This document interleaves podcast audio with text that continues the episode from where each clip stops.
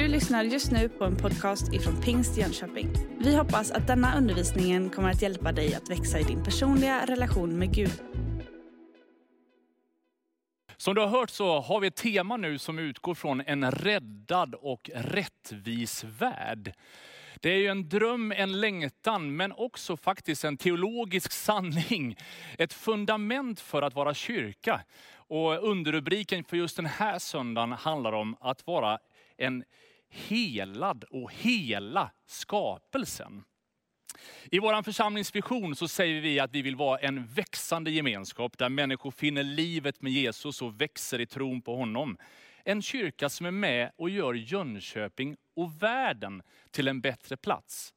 Vi skulle på något sätt vilja höja perspektivet. Vi lever väldigt ofta väldigt i vår egen lilla bubbla. Inte bara för att det är corona och restriktioner, men det är lätt hänt som människa att synfältet blir ganska trångt och smalt. Och någonstans behöver vi bredda perspektivet och se mera än bara det som är geografiskt nära. Men också inte bara på det som är mänskligt, utan det som rör sig i hela naturen. Kanske är det lite grann så i ditt liv som det är för mig, att Sen corona kom så har man på något sätt lite påtvingat återupptäckt det fantastiska i naturen. Eh, liksom när man inte kan göra speciellt mycket inomhus och när man inte kan vara på mycket saker som man är van vid att vara på, så har liksom naturupplevelserna blivit många fler. Och så ser man att liksom det där man lärde sig när man var liten, att med, med rätt kläder finns det inget dåligt väder, utan man försöker på något sätt göra olika små utflykter i alla fall. Och så märker man att den där situationen att wow, det, det gör någonting med hela välbefinnandet att få vara ute i naturen. När vi säger hela skapelsen så finns det ju två perspektiv även utav det. Att vi tror att världen som den ser ut nu faktiskt behöver läka.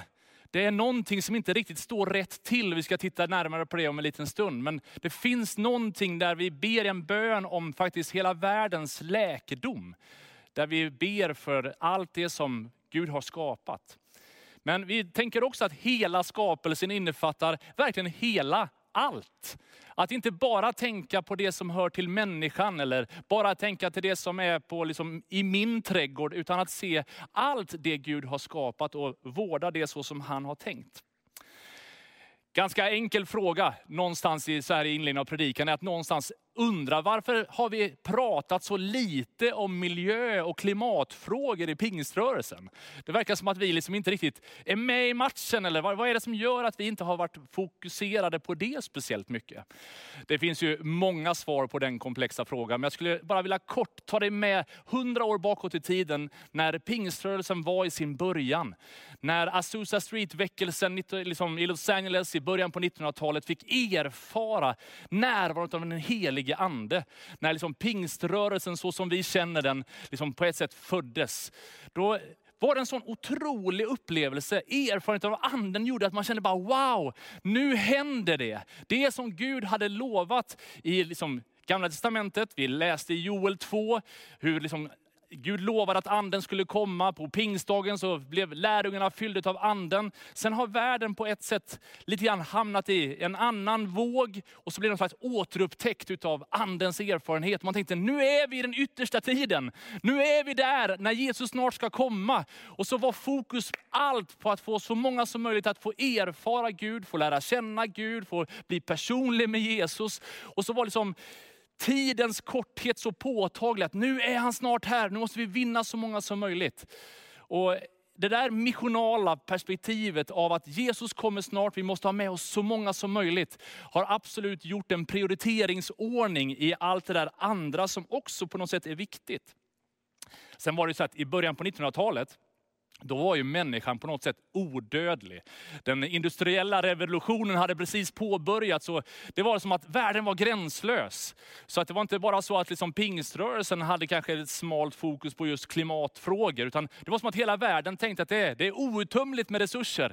Människan kan göra vad som helst, hur mycket som helst. Och så ser vi i efterhand att situationen är lite annorlunda.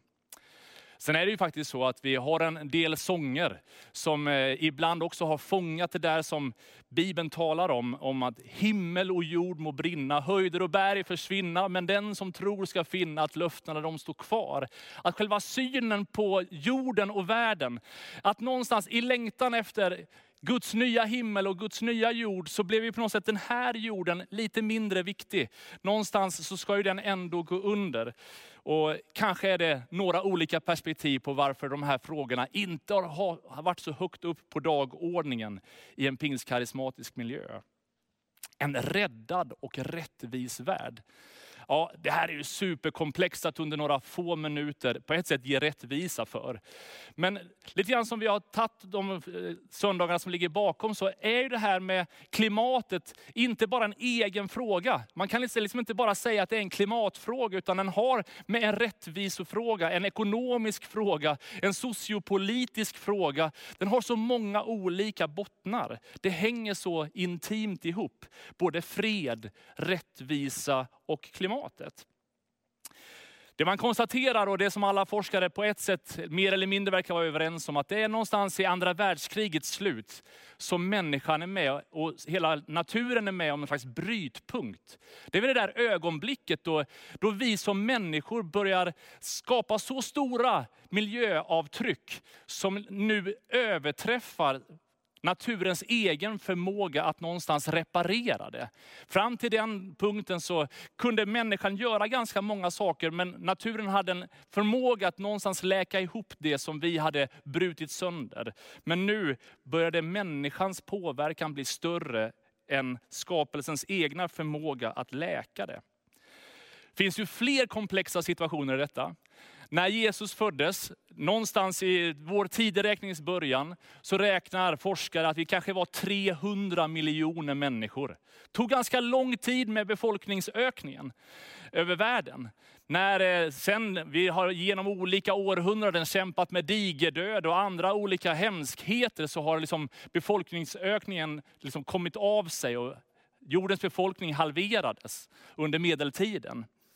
Men sen så har vi saktat jobbat oss framåt. Och någonstans så kan man konstatera att när vi fick ordning på ny teknik, ny liksom industri och mer mat till folket. Och någonstans i mitten på 1800-talet så började vi liksom sätta fart på befolkningsökningen. Men i början på 1800-talet så var vi en miljard människor på jorden. 1930-talet så hade vi gått från en miljard till två miljarder. 1980 1990 då var världsbefolkningen 4 miljarder och idag så närmar vi oss 11. Vilket innebär att förutsättningarna för att ge mat till alla, men också hur vi påverkar all värld, hela klimatet med att vi är så många som nu ska dela på jordens resurser. Det går ju i alla staplar otroligt högt. Så både befolkningsökning och globalisering när vi rör oss över stora spann och inte minst det konsum konsumtionssamhälle som vi lever i, hur det extremt påverkar. Du har precis nyss sett i liksom den här filmen från våra second hand-butiker. Och eh, faktum är att du gör enormt stor skillnad varje vecka när du handlar på second hand. Inte bara genom att de pengarna som kommer in där kan vi använda för sociala projekt i Jönköping och ut över världen. Utan just som flera av de som du lyssnade till sa, att vi någonstans bryter den här konsumtionen. Problemet med konsumtionssamhället är ju att det är hela vår världs lösning på, på något sätt alla våra problem. Det är hur kon, liksom, vi konsumerar oss igenom kriserna. Och det ser vi även i den här coronapandemin, att det är viktigare för regeringen att skydda affärsintressen än andra intressen. Det är som att allting till slutändan blir en ekonomisk siffra. Och det är lite provocerande. Det blir ju extra provocerande när man läser olika forskningsrapporter som menar att liksom världens rikaste, de 225 rikaste människorna i världen, de återhämtade sig i sin ekonomi när corona drog ut. På sex månader hade de redan börjat gå med vinst igen. Och deras vinst bara under förra året skulle egentligen kunna bekosta allt vaccin till alla världens medborgare bara 225 personers framgång. Vi märker att det finns en viss orättvisa. Och vill du läsa mer så finns det ju hur mycket som helst som talar på, om de här sakerna. Var lite observant på bara vilka hemsidor du googlar på så att du är lite lagom källkritisk och har koll på att det blir rätt siffror du läser. Men alla är överens om att det står illa till med världen. Därför är det viktigt att påminna sig om Paulus ord från Romarbrevet som säger så här. Det man kan veta om Gud är uppenbart bland dem.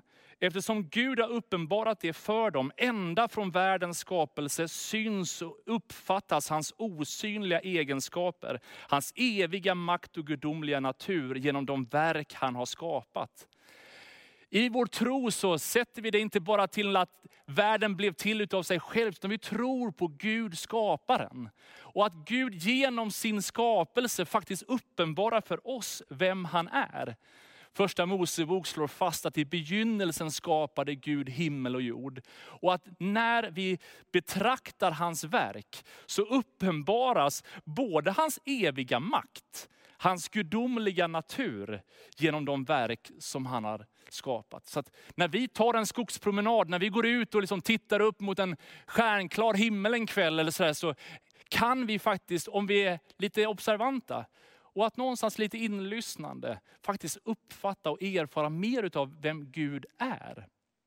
Därför skulle jag vilja uppmuntra dig att ta vara på varenda soltimma. Eh, njut av den här vackra dagen, även om vi längtar till lite mer värme. Men det är viktigt faktiskt att tro på att Gud har skapat världen. Bibeln är noga med att försöka liksom slå fast det, för att vi ska kunna ta till oss det.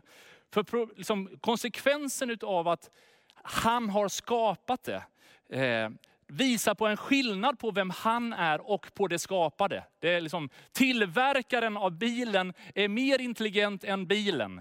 Liksom, skaparen är överlägsen skapelsen. Och att liksom, tala ut att Gud har skapat den ger också perspektivet av att någonstans han har koll. Han sitter på sin tron, han vet hur det här fungerar. Och när allting skälver så kan vi ändå sätta vårt hopp till honom. För vi vet att han inte bara liksom får liksom hantera det på samma sätt som vi, utan han är över det, han står över det. Det innebär att han har en auktoritet över skapelsen. Men också att Gud som är god, om han har skapat världen så är också det han har skapat gott. Det står ju där i skapelseberättelsen att han såg det han hade skapat och han såg att det var, det var gott. Och när han skapade människan så liksom lägger han på en, en plusmeny och säger att det här blir mycket gott. Det här blir liksom riktigt bra. Att Gud har skapat världen är också viktigt att förstå att Gud skapar både män och kvinnor. Så hela genderfrågan utav manligt och kvinnligt och metoo och allt möjligt. Vi, liksom, vi ser i Bibeln en tydlig liksom, indikation på att varje man, varje kvinna är viktig. Vi tror att alla är inkluderade i Guds skapelseplan och att han har en ordning, en mening, ett syfte med det han har skapat Jag tycker det är fascinerande när man ser hur otroligt många av vetenskapsmännen genom historien, som kommer från den kristna kyrkan. Och Det verkar som att kyrkan har på många sätt och vis varit med och lagt grunden till väldigt mycket av modern vetenskap. Och För mig så är det så tydligt att se ett, liksom ett mönster utav att Gud på något sätt uppenbarar sina verk. Han är inte motståndare till vetenskap, utan ju mer sanning, ju mer vi förstår, ju mer som uppenbaras av komplexiteten i naturen, ju mer kommer vi uppfatta även hans makt, hans kraft och det han gör. Ja, salmisten sjunger ut i psalm 8 så här. När jag ser din himmel, dina fingrars verk, månen och stjärnorna som du har skapat, vad är då en människa att du tänker på henne? Ja, det är som att i allt det där storslagna så behöver vi ha en viss ödmjukhet inför vilka vi är. Någonstans förstår vi att det finns mycket underbart som Gud har skapat och i synen på universum så är vi ganska små. Samtidigt så säger första kapitlet i Bibeln att Gud har en särskild tanke med just människan. Låt oss läsa. Där står det så här. Låt oss göra människor till vår avbild, lika oss. De ska råda över havets fiskar och himlens fåglar, över boskapsdjuren och hela jorden och alla kräldjur som rör, på sig, rör sig på jorden. Och Gud skapade människan till sin avbild. Till Guds avbild skapade han henne, till man och kvinna skapade han dem. Och Gud välsignade dem och sa till dem, var fruktsamma och föröka er. Uppfyll jorden och lägg den under er. Råd över havets fiskar, himlens fåglar och alla djur som rör sig på jorden. Helt fantastiskt att av allt han skapar så säger han att jag vill skapa någonting till vår avbild. Vi ser den treenige guden aktiv, formandet av människan och designar människan med ett unik plats i skapelsen. En direkt avbild av vem Gud själv är. Och för dig som kämpar med dålig självbild, du som på något sätt känner att du ser ner på dig själv, jag har inte det som krävs, jag kan inte, jag, jag är inte tillräckligt bra. Så behöver du spegla dig mer i Guds ögon. Och på något sätt göra psalm 139 till din och någonstans påminna dig om att i hans ögon så är du underbart skapad. Finns inte någonting i dig som han på något sätt ångrar när han gjorde dig. Du är inte ett misstag oavsett om andra skulle säga det. Du är inte en tillfällighet oavsett om andra säger det om dig. Du är inte liksom i marginalen även om andra placerar dig där. Du är i centrum av Guds uppmärksamhet. Du är en Guds avbild med ett unikt värde över att just du finns. Det intressanta i den där skapelseberättelsen är att de första orden som denna Guds avbild får, handlar om naturen. Handlar om en uppgift som inte handlar egentligen om att predika så mycket evangeliet i den mening som vi tänker att vi läser i en viss bok och förmedlar det. Utan det första är att vara fruktsamma och föröka er. Och med befolkningsökningen som vi nyss pratade om så verkar det vara check på den. Det där verkar på något sätt människan ha klurat ut och lyckats väldigt bra med. Uppfyll jorden och lägg den under er.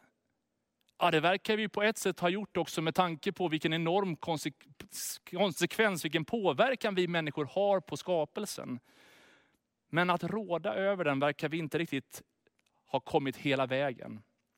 Skulle du gå lite närmare in i den här bibeltexten så skulle du kunna se hur de här orden egentligen har en ganska djup innebörd, där man kan se ordstammens betydelse. Och då handlar det om att liksom, det här att bruka, härska, lägga under sig, handlar om tjäna och bevara. Perspektivet handlar inte om att härska i den meningen av att nu bestämmer vi, nu ska vi bara liksom, använda så mycket fossila bränslen vi bara kan. Nej, det handlar om en slags tjänande, vårdande. Och hur ska vi då använda jordens resurser på ett klokt sätt? Att ta ansvar. Det som påfrestar mig när jag läser i de här bibeltexterna och liksom har levt med de här frågorna en tid i mitt liv, så är det så lätt att man tänker på de här stora klimatförändringarna. Glaciärer som smälter, liksom Ehm, vi kan prata om flygskam och vi kan prata om alla sådana här stora globala liksom, perspektiv.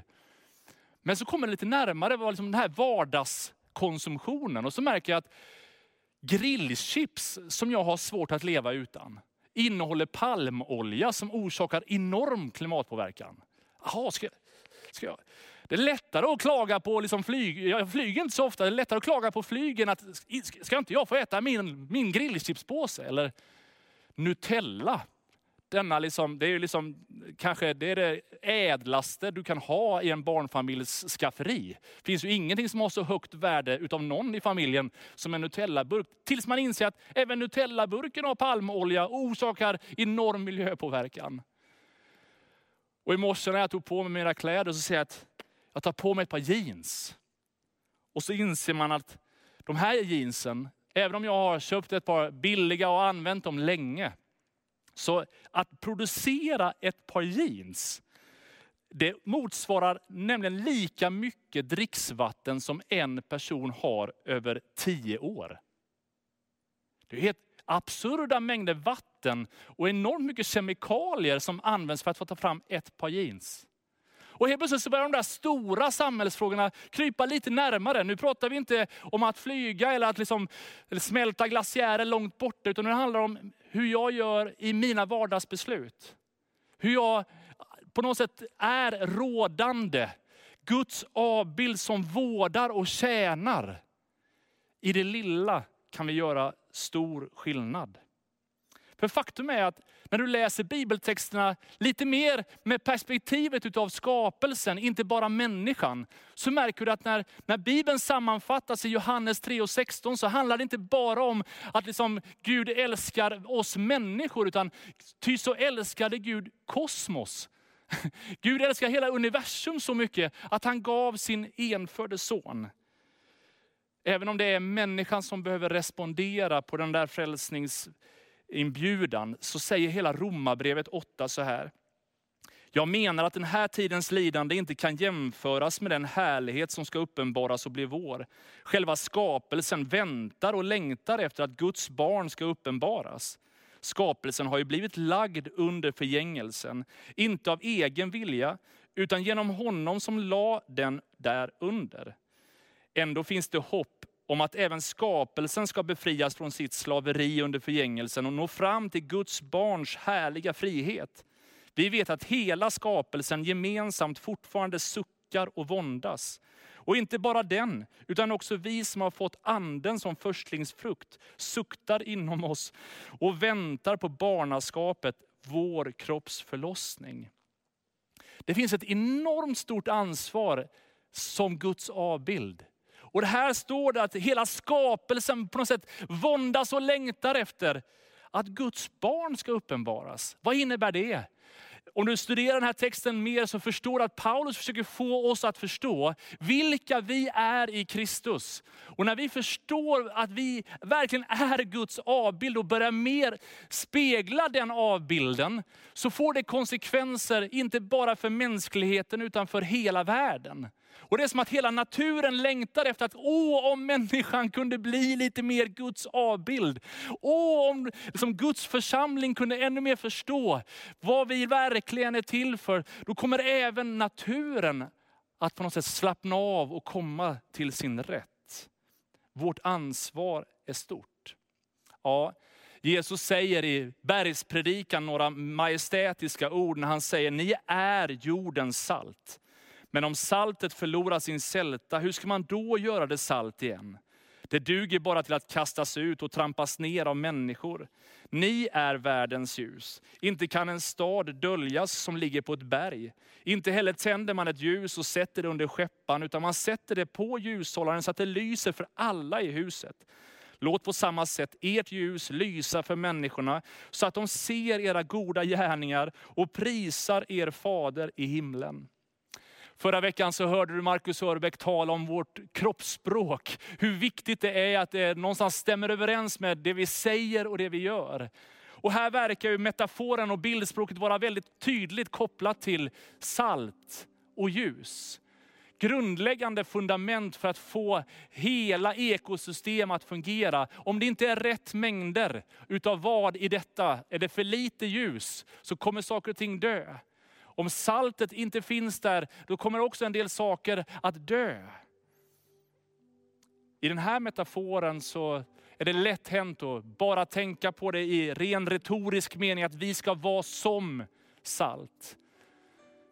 Tänk om det är så att ditt och mitt agerande inte bara påverkar människor, att våra liv inte bara är salt i den meningen att vi kan på något sätt hjälpa människor att bevaras från förruttnelse och liksom någonstans gå vilse i livet och nästlas av alla möjliga syndens grejer.